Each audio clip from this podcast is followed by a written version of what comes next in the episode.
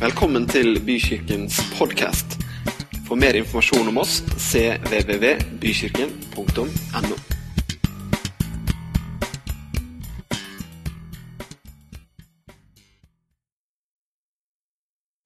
Det er fint at vi kan møtes på denne måten, er det ikke det? Vet at Jeg har sikkert møtt mange av dere jeg, eh, sånn på gata uten å vite at du var broren min eller søstera mi i Herren. Da kunne vi tatt et lite bønnemøte.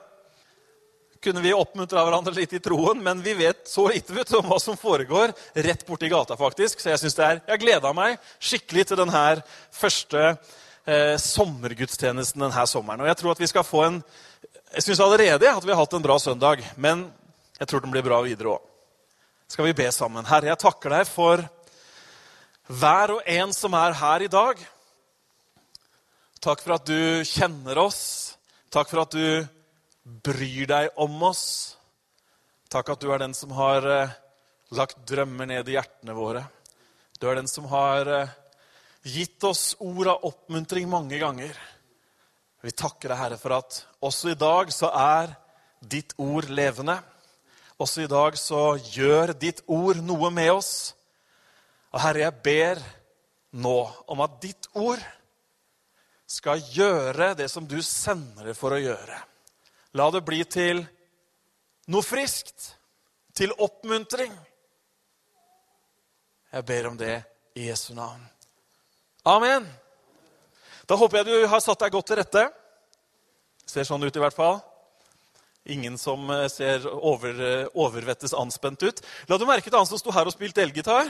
Jan Birger. Vi har jo noen flotte musikere her, har vi ikke det? Ja, Dere er så begeistra i dag. Det er veldig Men når du liksom, ofte når du spiller elgitar, så, så, ser du de er sånn veldig anspent når de skal dra en solo. og Du tenker liksom, er det en eller annen blodåre som brister nå, liksom? Men han ser ut som han nesten liksom er i ferd med å avslutte dagen. vet du. Bare knusende ro spiller de vakreste soloer. Det er jo bare helt deilig å se på. Ferietid, vet du. Han har skjønt at det er ferietid. Du skjønner, Nå er det ferie, og min lille datter på fire år kom hjem fra barnehagen på fredag. Det var siste dag i barnehagen før ferien, og så sier hun Jippi, det er ferie, og da kan man være oppe lenger! Tusen takk til barnehagepersonellet som hadde sørget for at den kunnskapen var blitt henne til del. Men i alle fall så er det jo ferie nå. Og ferie det er viktig. Ferie er til og med lovpålagt. Du får ikke lov, hvis du er vanlig ansatt, i hvert fall, til å drive og jobbe hele året rundt. Nei, du må ta ut ferie. Barnehagebarn må forresten også ta ut ferie. Men, og, men ferie det er noe bra. Det er en anledning til å ta seg litt inn, er det noen som sier. Noen de har hatt eh, nedtelling de siste dagene på jobben. For det er liksom sånn Klarer jeg en uke til? Ja, nå er det bare fire dager igjen. Og så er det skikkelig sånn nedtrapping. For liksom ferie, det må vi ha. Vi må jo det. Det er veldig bra med ferie. Og jeg tenker litt på ferie. Det dreier seg om å hvile litt, og det dreier seg om å samle krefter, ikke sant? Ja, Her i Bykirken så pleier vi liksom å nikke hvis vi er sånn delvis enig med det han sier. så du må føle, nei, føle deg fri. Men i alle fall så trenger vi jo denne tiden. Men så tenkte jeg på en ting i går. At Gud han har jo virkelig skjønt det der med ferie. For han sier, 'Kom til meg, alle dere som strever og har tungt å bære', sånn at jeg kan gi dere hvile. Og så snakker han ellers om Paulus underviser om at vi skal komme inn til hvilen. Altså Det er viktig at, at vi får slappe av litt. Men det er forskjell på å slappe av og gi opp. Det er veldig stor forskjell på å ta seg en pause for å hente seg inn og det å avslutte. I dag skal jeg snakke om en type som eh, mest sannsynlig har veldig lyst til å avslutte. Kan du gå rett på første bilde, Magnus? Det er trist at ikke det var fotografiapparater på apostlenes tid. For når man skal ha bilder av disse folka, så er det bare den type bilder man får. De er fine, noen av de, altså, men jeg tror kanskje at de hadde litt mer mimikk i ansiktet, noen av dem, sånn egentlig. Og så blir det så likt, så det er så vanskelig å skille dem fra hverandre. Men tro det eller ei, dette er Timoteus. Hei, Timoteus. Noen er med med en gang. vet du. Hei, Timoteus. Det er bra. Men Timoteus, han skal jeg snakke litt om i dag. For han Om det var ved sommerferiens inntreden, eller om det bare var ved en eller annen, et eller annet skifte i karrieren hans, det vet jeg ikke. Men Timoteus sto overfor så store utfordringer at han kunne godt ha slutta. Han var pastor i det som kanskje på den tiden var verdens største menighet. Menigheten i Efesus. Efesus var på den tiden en stor by. Det var en, eh, et av hovedstedene. Eh, I Romerriket ble det også kalt Asias hovedstad. og De var i hvert fall 200 000, hvis ikke mer, til tider i Efesus. Der var det en stor menighet som Paulus hadde grunnlagt. Timoteus var jo Paulus sin gode venn og medarbeider gjennom mange år. Og nå sto han der som en ganske ung mann, og han hadde rollen som tilsynsmann eller pastor i denne menigheten. Det var ikke nok med at menigheten var litt berømt og kjent sånn i kristne kretser. Den hadde også noen veldig sånne eminente medlemmer. Apostelen Johannes, for eksempel, han var en av dem. Du vet, Jeg hadde slitt med å preke i dag altså hvis apostelen Johannes satt her nede. Du er med på tanken? Kunne hende du hadde, fikk en eller annen tanke om å hoppe etter Virkola eller et eller annet, ikke sant? Men i alle fall, apostelen Johannes var med i forsamlingen der. Og som ikke det var nok, så var Jesu mor også på slutten av livet sitt med i menigheten. Og det var en svær menighet. Ikke etter norsk standard, men etter mer sånn verdensstandard. Så hvis det hadde vært i dag, så hadde det sikkert vært Hillsongs Australia eller Yong Giso sin menighet. eller noe sånt. Og det var i hvert fall størrelse på tingene. Og der var han pastor. Det var sikkert litt av en opptur for Timoteus å få en sånn jobb. Tenk deg det, ja. Jeg vet jo om noen her i forsamlingen hvis de hadde ringt fra Philadelphia Oslo og spurt om du ville ta jobben som pastor, så hadde du kanskje, uten å ville innrømme det, følt at du måtte nok være det beste pastoremnet som fantes i denne verden. Eller i hvert fall i Norge, da. Siden du kunne påta deg en slik oppgave i en slik respektert forsamling. Er du med på tanken? Ingen er med på tanken. Å, kjære Ja, det er bra. Det var flere som var med på tanken. Nå tenkte jeg plutselig står, står jeg og snakker et språk de ikke forstår. Men det må jo ha vært en sånn en god bekreftelse da, på at jeg har noe som duger for han er Timoteus, siden han fikk denne jobben. I mange år hadde han vært Paulus sin nære medarbeider. Men nå hadde han fått sin egen plattform, sin egen prekestol, og så var han lederen. Hm. Paulus han skjønte mye. Jeg syns Paulus er helt topp. Jeg gleder meg til himmelen. Eh, en av grunnene til at jeg gleder meg, er for at jeg har lyst til å sette meg ned og prate ganske mye med Paulus. Men Paulus han hadde skjønt mye som egentlig vi også kan si oss enig i dag. Han hadde skjønt to ting som var veldig viktige. Han hadde skjønt at det med relasjoner, eller relasjon, det er viktig. Derfor så dyrka han relasjonen med medarbeiderne sine. Han satte ikke bare opp på en turnusliste i menigheten og håpa at de dukka opp hver sjette uke. Nei, han dyrka en relasjon. De jobba sammen, de var sammen. Bra, ikke sant? Veldig bra og veldig viktig. Viktigere enn veldig mye annet faktisk i frivillig arbeid er relasjoner. Noe annet som Paulus hadde skjønt som også var veldig bra, det ligner på relasjon, men det er ikke det samme. Men det heter kommunikasjon. Paulus han tok i bruk det han kunne på den tiden, og så skrev han brev til sine medarbeidere. Han skrev brev til Timoteus. Det er det vi skal kikke litt på i dag. Han skrev brev til menighetene. Han satte mot i dem. Han dirigerte dem. Han sa 'nå gjør dere feil'. 'Dette er bra'. Han la ut hvem Kristus var. Han kommuniserte med dem mye. Og så er vi så velsigna at i dag så har vi den kommunikasjonen mellom to permer og kan dra nytte av og bli velsigna av den visdommen som Paulus har. Skriver du brev? Det er ikke mange som skriver brev lenger. Skriver du mail, da? Ja, nå har folk nesten slutta å skrive mail òg. SMS, da? Ja. Hva er det du skriver da? Skal ikke ta hele bekjennelsen her nå. Men vet du hva jeg tror er viktig? At vi som er brødre og søstre i troen, at vi har noen som vi ønsker å sette litt mot i. At vi har noen som vi ønsker å heie litt på. Det går an å ringe til noen med eneste grunn at du har lyst til å ringe til dem. for å si at de er bra, og takke dem for den de er. Prøv det en gang hvis ikke du har gjort det. Jeg har gjort det mange ganger. Det er veldig morsomt. for det er akkurat som i samtalen, så, i hvert fall sånn de første minuttene, så venter de at du skal komme med ærendet ditt. De venter på at du skal spørre om du kan låne noe, eller har du noe penger til overs, eller vil du være med på det, eller ja, men er ikke med på tanken? Når noen ringer, så lurer du på hva, hva vil dem? Og jeg snakka med en, eh, en, kar som er litt yngre enn meg, da, Frank. Som eh, jeg skal, ikke, jeg skal, ikke, si at han er min Timoteus og at jeg er Paulus, men vi har hatt en relasjon litt tilbake i tid hvor jeg var eldre enn han. Tolv år eldre sikkert. Og så heia jeg litt på han, og så har jeg prøvd å liksom sette litt mot i han. Og de første gangene jeg ringte han, liksom jeg hørte at han liksom spant litt. Ja, hva skal du si? Nei, ja, ja, nei, du... Og en gang så sa han til Ove, jeg skal videre. Jeg. Var det noe spesielt du tenkte på? Nei da, jeg skulle bare ringe og si at uh, Bra fyr, du. Vær frimodig. Stå på, osv., osv., osv. Det var det Paulus drev med, men han hadde jo ganske godt innhold da, i kommunikasjonen sin. Vet du hva? Det der vi snakker om nå, det går an å gjøre uten teologisk utdannelse.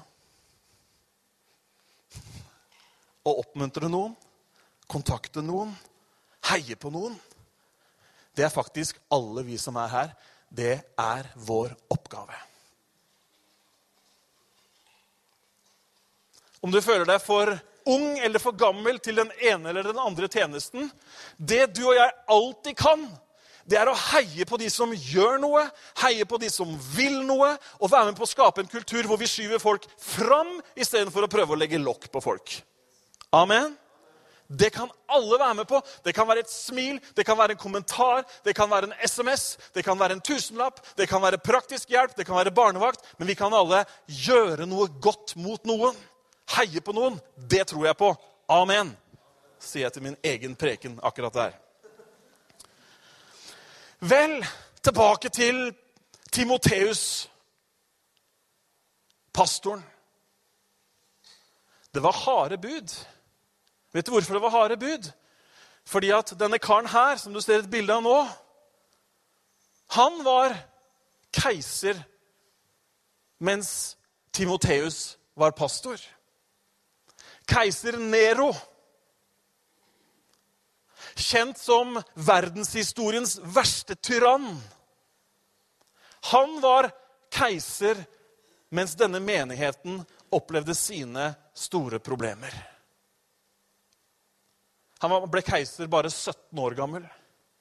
De første åra så var det holdt på å si, både mødre og slektninger og alle andre som brukte han til å få sin vilje fram. Men han utvikla seg til å bli en grusom tyrann. Og når, han, når, ting ikke gikk hans vei, så sørga han for å få tatt livet av folk. Ved snikmord eller ved andre snedige greier så tok han liv av koner, han tok liv av slektninger, han tok liv av ufødte barn. Han var en skikkelig stygging. Han var så full av seg sjøl at det var til å bli helt kvalm av. Og så likte han å konkurrere da, i idrettskonkurranser og alt, og fant opp konkurranser. For eksempel, så var det en konkurranse i lyrespill som han alltid vant. Skjønner du hvor patetisk det hele blir, liksom? Ja, ja, Nå er det olympiaden i lyrespill. Han vinner nok i år også. Til slutt så forlot hans egen livsgarde han. Senatet dømte han til døden, men han rakk å ta sitt eget liv. Og da sa han, 'Hvilken stor kunstner verden mister i meg.' Mens Timoteus var pastor, så mener noen at keiser Nero satte i gang sjøl, eller om han fikk noen til å gjøre det. I hvert fall så var det en stor brann som de kristne fikk skylda for. Og det ble en massiv forfølgelse av de kristne. Dette var det som Timoteus feisa. Dette var det han sto midt oppi. Han sto oppi at medlemmer de forlot menigheten. Noen forlot troen, de forlot Kristus, rett og slett faktisk bare for å spare sitt eget liv. Flere av eh, lederne i menigheten de krangla seg imellom om lærespørsmål. Noen de gjorde konstant opprør mot alt Timoteus og den øvrige ledelse foreslo. Jeg beskriver ingen pinsemenigheter i Norge akkurat nå, hvis det var det du trodde. Smil lite grann, da. Det var jo litt selvironi, ja. Veldig bra. Men der sto Timoteus, en ung leder, en stor oppgave. Og etter å ha fått dette her oppdraget å være pastor i kanskje verdens største, mest velansette menighet, så er det nok veldig sannsynlig at han kom til et punkt som kanskje du også har kommet til, uten at du er pastor i verdens største menighet. Men vi har alle våre liv å leve, vi har alle vår oppgave å gjøre. Han kom til det punktet hvor han følte at han ikke lykkes. Jeg tror den følelsen er større og sterkere til stede blant mennesker i 2014 enn vi kanskje aner. En av grunnene til det er at vi, fordi vi er så til stede i medier og det ene og det andre, er at vi så utrolig lett kan sammenligne oss med andre mennesker, andre steder, andre mennesker i nabolag osv. Og, så og så sitter vi igjen med en følelse av at vi har ikke lykkes. Kanskje det er sånn for deg også at du har fått en oppgave en gang, en jobb eller en situasjon i livet, og så kom du til det punktet at ah, det gikk jo ikke! Det var jo skikkelig nedtur! Mange mennesker opplever det på mange ulike områder. Og kanskje du også, som Timoteus, kan finne noen logiske forklaringer på hvorfor det blei akkurat sånn som det blei. Altså, Timoteus hadde jo sannelig sitt. Når lederrådet fra pinsebevegelsen kom på tur og lurte på hva er det som skjer, så hadde han jo jammen en god forklaring. Ja, det er vrient. Nero herjer. Folk blir redde, osv., osv., osv. Men likevel så satt han igjen med, et, med en ansvarsfølelse om at det er jo Det er jo ikke sånn det skulle ha vært. Kanskje han hadde vært på noen herlige bønnemøter. Kanskje folk hadde kommet og sagt ja, du, vet du, you are the man. Kanskje han hadde følt at Guds ord var levende og kom til ham og bekrefte at ja, du er mannen med kallet, du er den som kan gjøre det. Men likevel så blei det faktisk ikke sånn. Og noen ganger så blir det kanskje ikke sånn for oss heller. På jobben, i familieliv, i ekteskap, i menighet eller i noe annet. Hm. Kanskje det var for store sko for Timoteus. Kanskje det var umulig egentlig å klare å lede det. Men han hadde jo allikevel en tro på at dette her var noe. Det var jo noen som hadde sagt noe, og som ikke det var nok. Det var ikke bare noen, men det var jo Paulus som hadde vært med på å få han til å bli dette her. Og så skriver Paulus et brev til Timoteus. Midt i denne situasjonen hvor tingene ikke blei som de skulle. Drømmene som han hadde hatt, de ble bytta ut med mareritt. Hm, han visste det jo. Problemene hadde sikkert vært de samme uansett hvem som var leder. Enten det hadde vært Billy Graham eller en eller annen størrelse. Nero hadde nok gjort som han gjorde. Hm. Jeg vet ikke hva du drømmer om, men Timoteus han drømte nok om en stor, sterk, velfungerende menighet, både i kvalitet og kvantitet. Bildet han hadde sett for seg, det stemte ikke med det bildet han nå møtte. Etter gudstjenesten, etter ledermøtet, etter kirkekaffen, etter hva det måtte være. Hm. Drømmen var bytta ut med et mareritt, med nedgang, med mislykkethet. Dette funker ikke. Marerittet om troende som svikta både kirke og tro. Krangler mellom bedrevitere som tydelig avslørte at helliggjørelsen ikke hadde gjort stort. skulle han fortsette? Denne Timoteus. Eller skulle han gi opp? Var det nå det var tid for å ta tre skritt tilbake og bli en betrakter istedenfor en bidrager? Var det nå han kanskje skulle si Been there, done that, got the T-shirt. Jeg har prøvd det, men det var nok ikke noe for meg. Det punktet tror jeg mange mennesker står overfor i forhold til livet med Gud og i forhold til livet med menneskene rundt seg, også i 2014. Han trengte noe. Han trengte at det skjedde noe som kunne gjøre noe med denne situasjonen. Aller helst så hadde han nok lyst til å bare rope 'hjelp'. Kan ikke noen andre bare komme og gjøre det? Dette er heftige greier.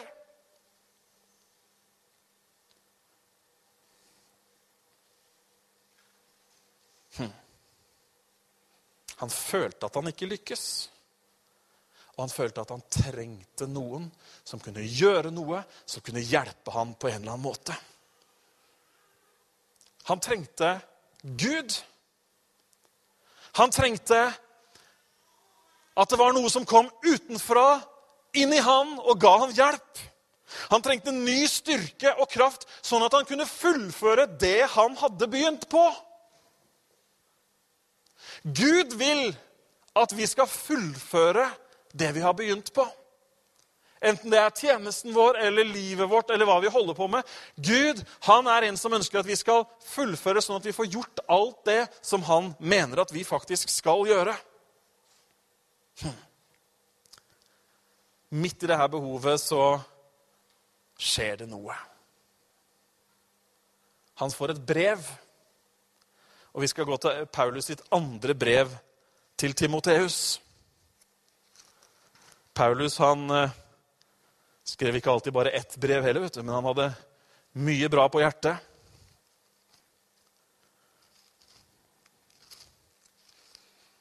Henger du med så langt? Det er bra.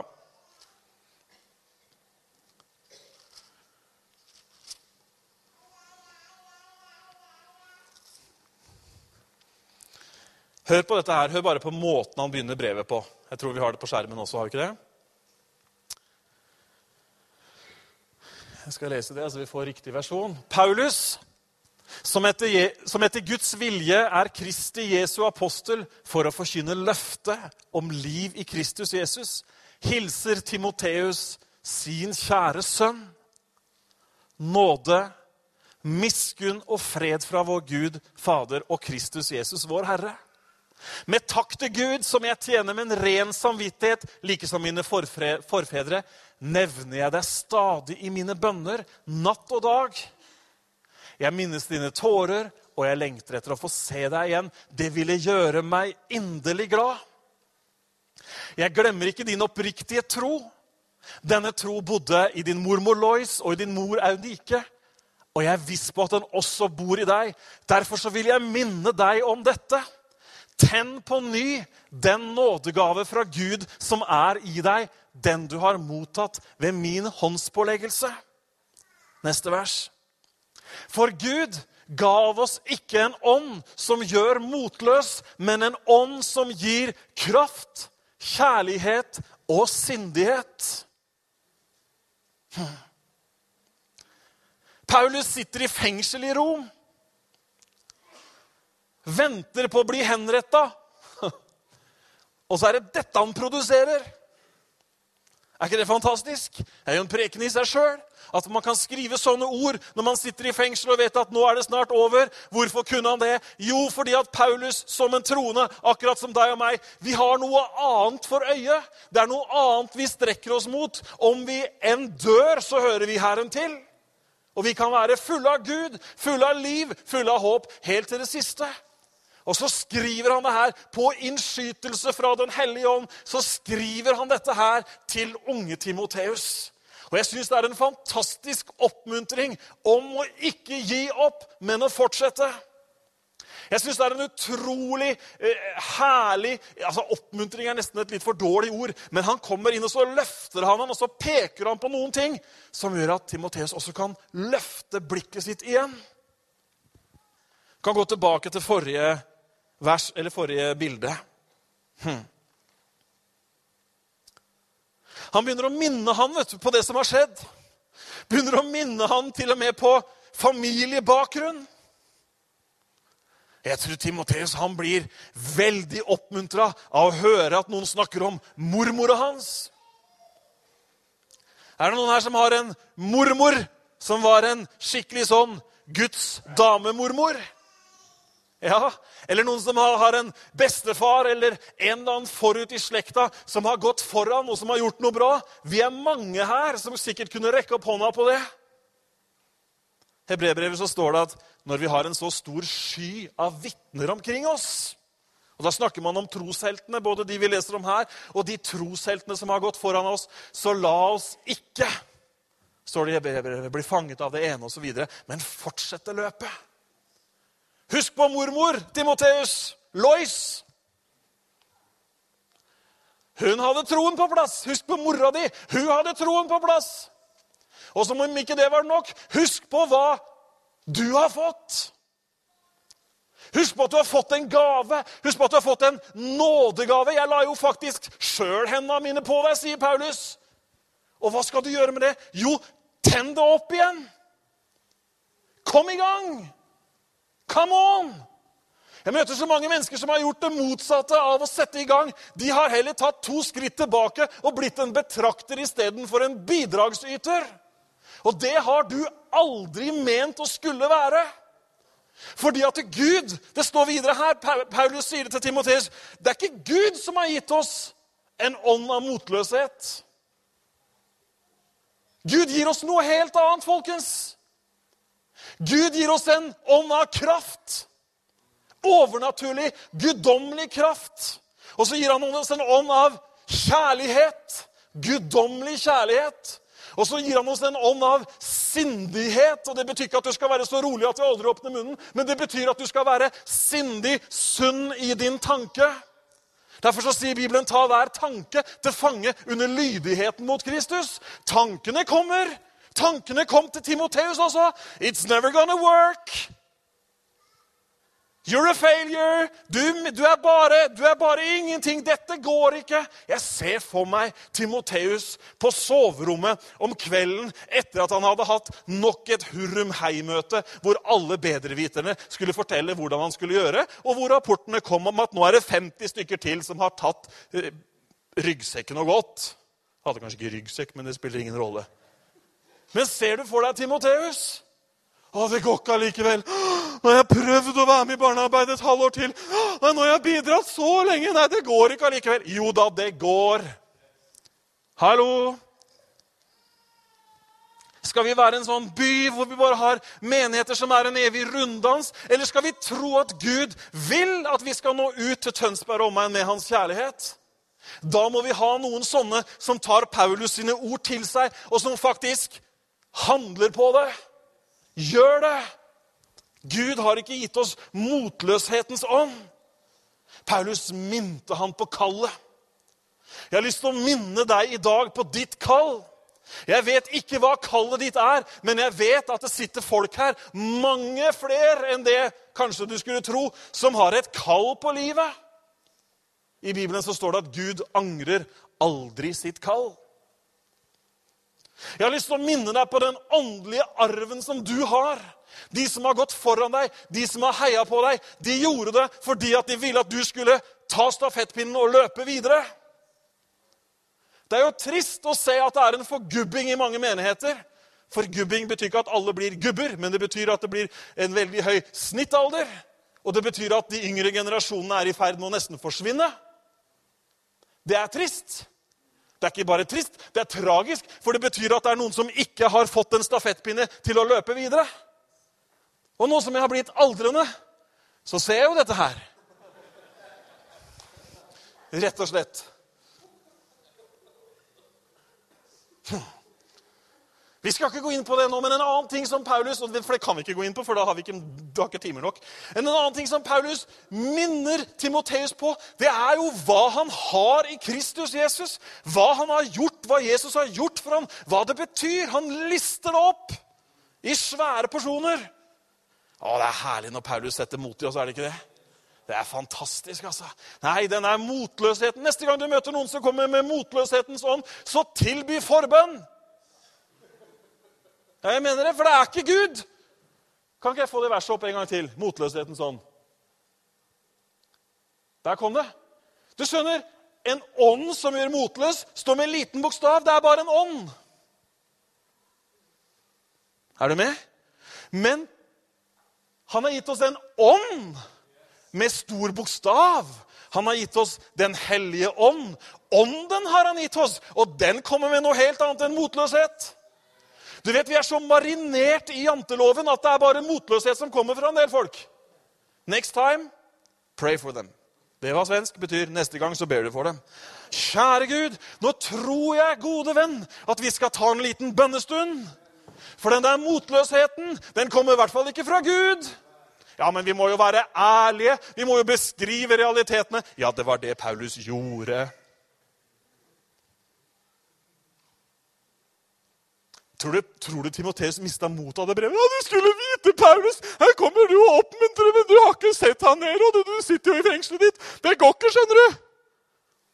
Nei, han tok det til seg. Og så fullførte Timoteus løpet. Han døde på den flotteste måten en kristen kan dø. Han døde for sin tro. Han gjorde protest når det var et stort opptog av avgudsbilder. Og så dro de han gjennom gatene, dreiv han gjennom byen, og så steina de han til døde. Kan du tenke deg noe bedre måte å dø på? Ja, det kan du, men jeg kan ikke det. Midt i skuddlinjen, vet du. 007 James Bond. Midt i action! Sånn døde han, og så fullførte han det Gud hadde gitt ham.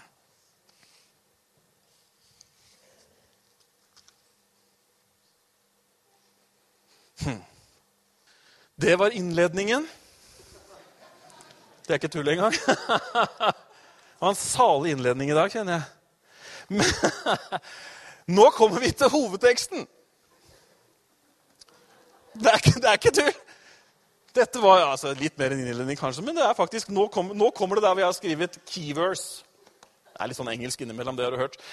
Nå kommer vi til keyverse, for du kan jo si det. altså, Bli sterk, liksom, eller eh, motløshet og alt det der. Det er ikke noe bra.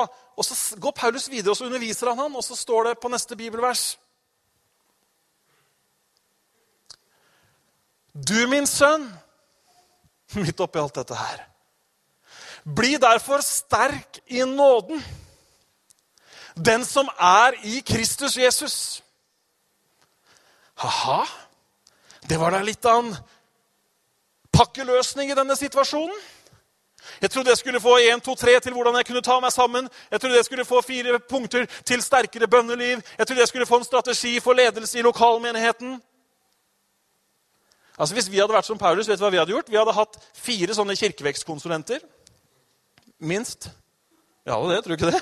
Og så hadde vi fått inn Tilsynsrådet er ikke noe som heter det, og Etisk råd og mange ting. Og så hadde vi kjøpt masse bøker og så hadde vi tenkt nei, nå må vi prøve liksom å finne en eller annen løsning på den greia.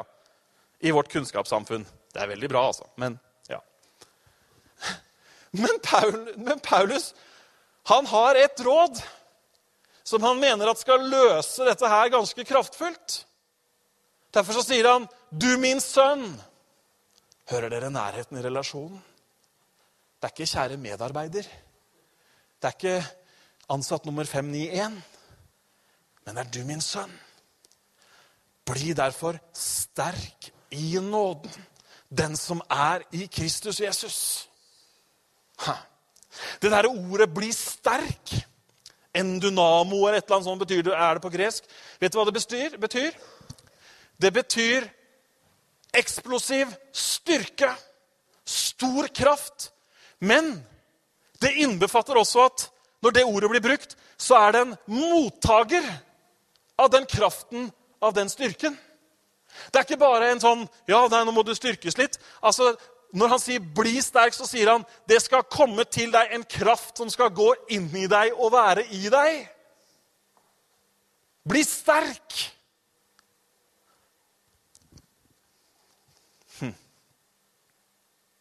Han ber han ikke om å ta fram eh, notatene fra de teologiske studiene. Det, det kunne han jo gjort. Timoteus var sikkert ganske godt opplært i forhold til tradisjon og kultur på den tida, i forhold til at han hadde en troende mormor og en eh, troende mor. Men han var jo, eh, faren var gresk. Sånn at For å ikke lage for mye bråk blant jødene så sørga Paulus for at han ble omskåret før han liksom kom i tjeneste, så ikke de skulle ha det mot han og, og lage krøll på det. Men han hadde sikkert en utdannelse, en innføring, godt i troen. Men det var ikke det han dro fram. Det var ikke vekttallene, det var ikke erfaringen, det var ikke hvem skal du spørre. Nei, han sier det finnes en måte å bli sterk på. Det finnes en kraft, det finnes en styrke. Og den, Timoteus, den kommer ene og alene på grunn av min nåde. Ikke bli sterk ved erfaringen, ikke bli sterk ved utdannelsen, men bli sterk ved nåden, den som er i Kristus Jesus. Hm overnaturlig styrke. Den kommer, Timoteus. Ikke fordi du fortjener det, men fordi jeg gir deg det. Når du ber Gud om styrke, om kraft, så, er, så gir Gud den til deg. Ikke fordi du har vært flink pike og snill gutt, men du får det fordi at han vil gi deg det. Skal jeg si det en gang til? Du får det fordi at han vil gi deg det. Vi har vokst opp i en kultur i mye av Menighets-Norge. Vi får holde oss til Norge. Resten av verden vet jeg ikke så mye om. Hvor vi har hatt en sånn belønningsteologi. Hva mener jeg med det? Jo, hvis du er sånn passe snill og passe trofast, så kommer nok Gud og hjelper til. Han kommer og hjelper til uansett. Det er poenget. Eller sagt på en annen måte hans kraft er tilgjengelig uansett. Om vi ikke er gode nok. Du skjønner at Når vi ber Gud om hjelp, eller når vi ber Gud om noe, i det hele tatt, så er det alltid en annen stemme som kommer inn i bildet på en eller annen måte. Enten som en lydhør stemme, til og med, eller som en tanke. Og det er tanken at ja, men du er jo ikke god nok til det. Du kvalifiserer jo ikke for å bli så belønna av Gud eller så velsigna av Gud. Vet du hva? Så lenge det finnes nåde, så kan du få ta imot Guds nåde. Er ikke det fantastisk? Oi, oi, oi, det er jo helt utrolig. Det er jo gode nyheter på utrolig høyt nivå. Djevelen har vi alltid anklaget og si at du kvalifiserer ikke til dette. Dette er for de spesielle, dette er for de fromme, det er for de flinke, det er for de gudfryktige. Vet du hva? De som du tror at er fromme, fine, gudfryktige og prektige og alt det der, de er ikke noe mer fromme og prektige og gudfryktige enn det du er. Mange mennesker er flinke til å sette opp en maske. Mange er flinke til å spille rollen sin godt, men vet du hva? i Guds øyne så er vi helt like hele gjengen.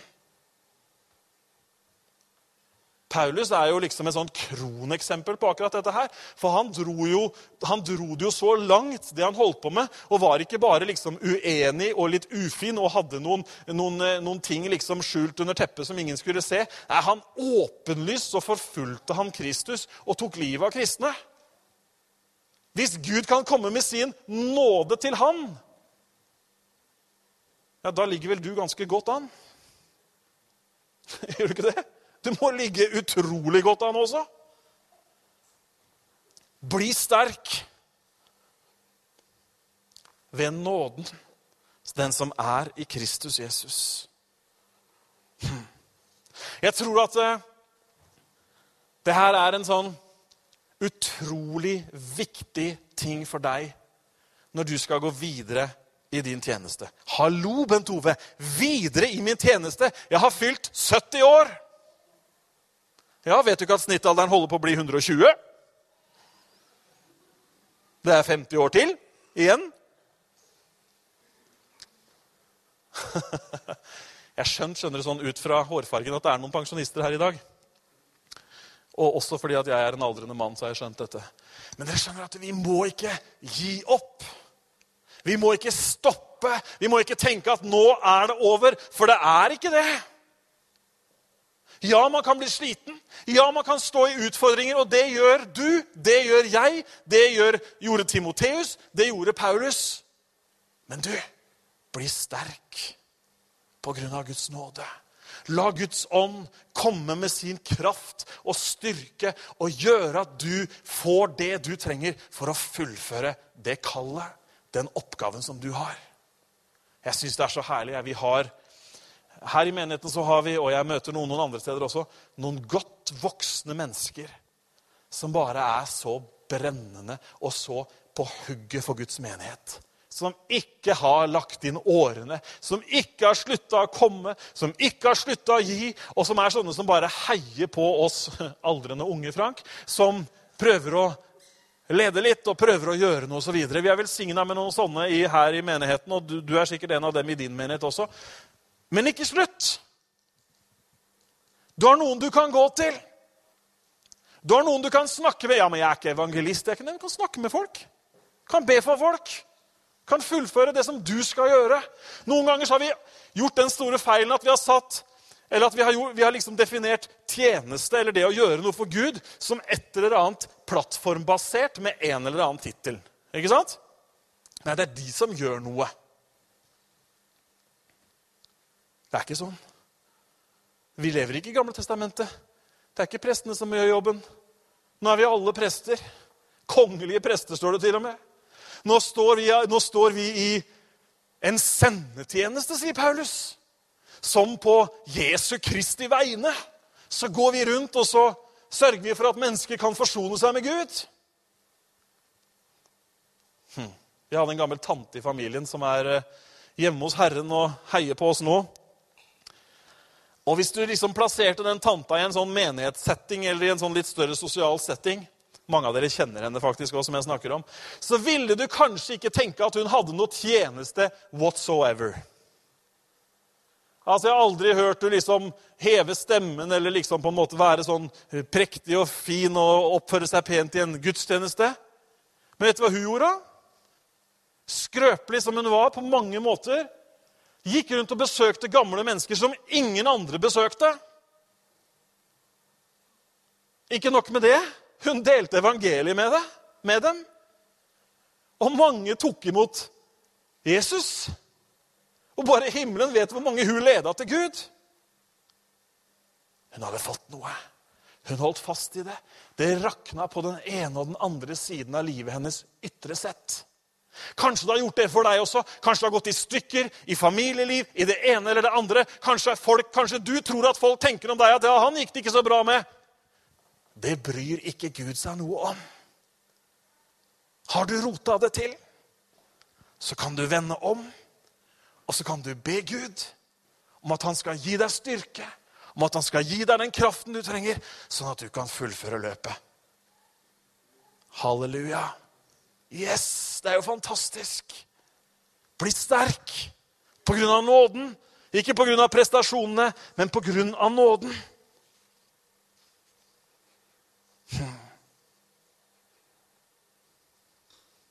Jesus døde for hver og en av oss. Det betyr at han døde for deg. Og det gjør at du er mottaker. Du er kandidat for å ta imot alt det som han har å gi deg. Det er kriteriet. Det er billetten. Husker vi sang den jeg var liten. Jeg synes den var så kul, den sangen. 'Hvor er billetten? Hvor skal du reise?' Jeg så bare for meg lokomotiv og sånne konduktører når vi sang den sangen den gangen. Men jeg har skjønt at den hadde en dypere betydning.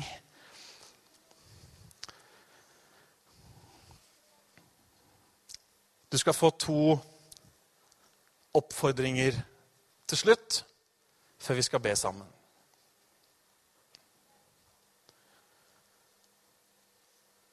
Den ene oppfordringen er slutt å anklage deg selv. Det er lettere sagt enn gjort. Men min oppfordring i dag er slutt å anklage deg sjøl. Bibelen sier, 'Hvem vil anklage Guds utvalgte?'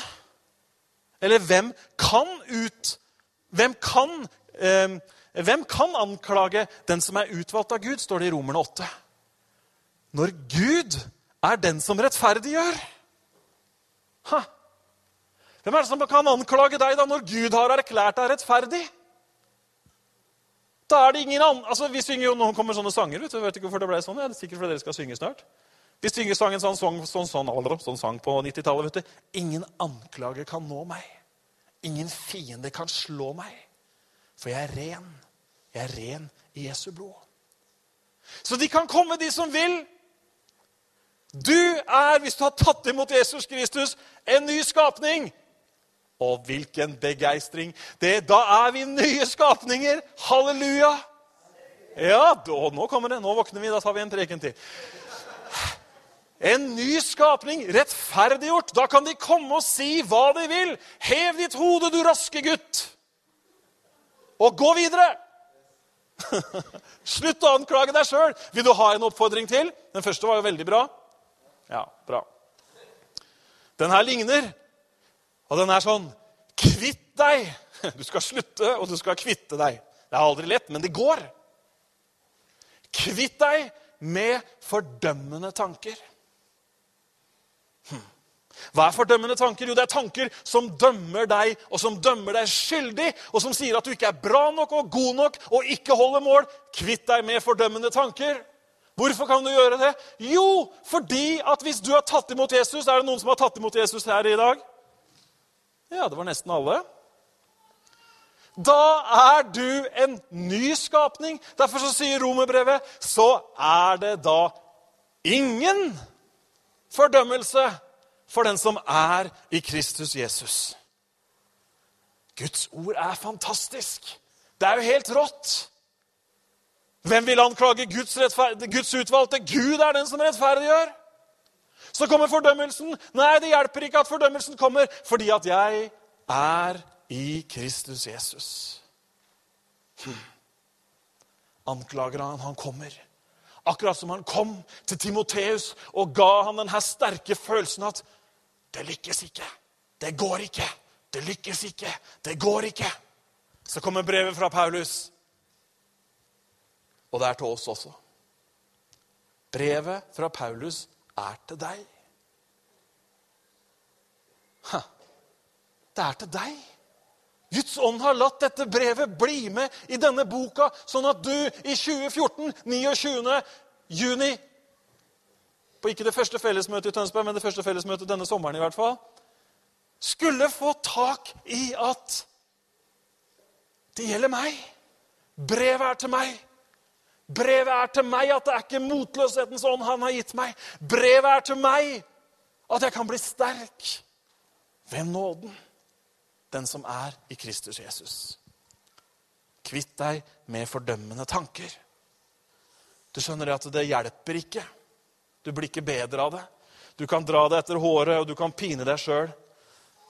Men hvis du er borte eller har tatt en avstikker fra den veien som du, Gud, som, Gud, som du vet at Gud vil at du skal gå på, så har du én ting å gjøre.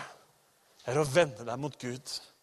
Åpne opp hjertet ditt og la Han fylle deg med den kraften som gjør at du kan fullføre løpet. Amen. Du kan få lov å reise deg opp.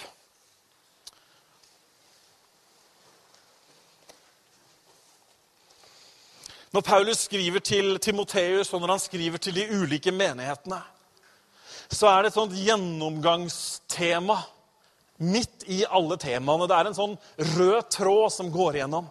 Og det er at Paulus han har et sterkt ønske om at de troende skal få åpna øynene, hjertets øyne, sånn at de skjønner alt det som Gud har gjort for dem.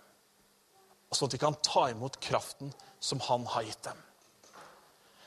Og jeg tror det er et sånt gjennomgangstema fordi at i vår, vår fysiske verden, i vår verden hvor mennesket på en måte står veldig sentralt, så er det veldig mange menneskelige tanker som preger oss veldig. Og noen ganger så strider de veldig mot Guds tanker om oss. Er du med på det? Våre egne tanker de er skikkelig motsatte av det Gud egentlig vil. Derfor så må vi av og til gjøre noen sånne aktive ting for faktisk å ta tak i det og tro det, og vi må holde det ved like. Troen må næres. Troen din må få næring. Så kom på sommermøtene. Vi skal synge en sang, og så har jeg bare lyst til at vi skal gjøre det sånn akkurat her i dag at hvis noen ønsker at vi skal be sammen, så kan du bare komme fram, og så er det mange som kan være med og be for deg. Paulus han ba for Timoteus dag og natt. I Efeserbrevet står det at han ber for de troende, for at øynene deres skal bli opplyst, nå, til de skal skjønne hvor stor kraften er.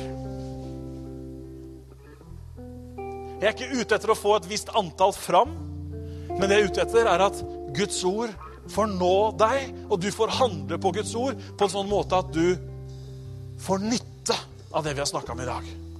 Du er med på det? Vi skal synge sammen, men først så ber vi. Og så kan du komme når vi synger. Herre, takk for ditt ord til oss i dag. Og du har sendt ditt ord for å oppmuntre oss, Herre. For å vekke noe opp. For å fylle oss med tanker om at du er på tronen, og du har en plan, og du har noe du ønsker at vi skal bruke livene våre til. Takker deg for hver eneste person som er her i dag, Herre. Hver eneste person skapt sånn som du ville ha de. Utformet etter din plan.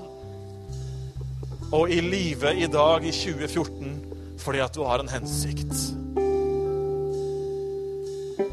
Takk at du får ha din vei med oss, Herre. Du får gjøre det du vil i livene våre. Amen.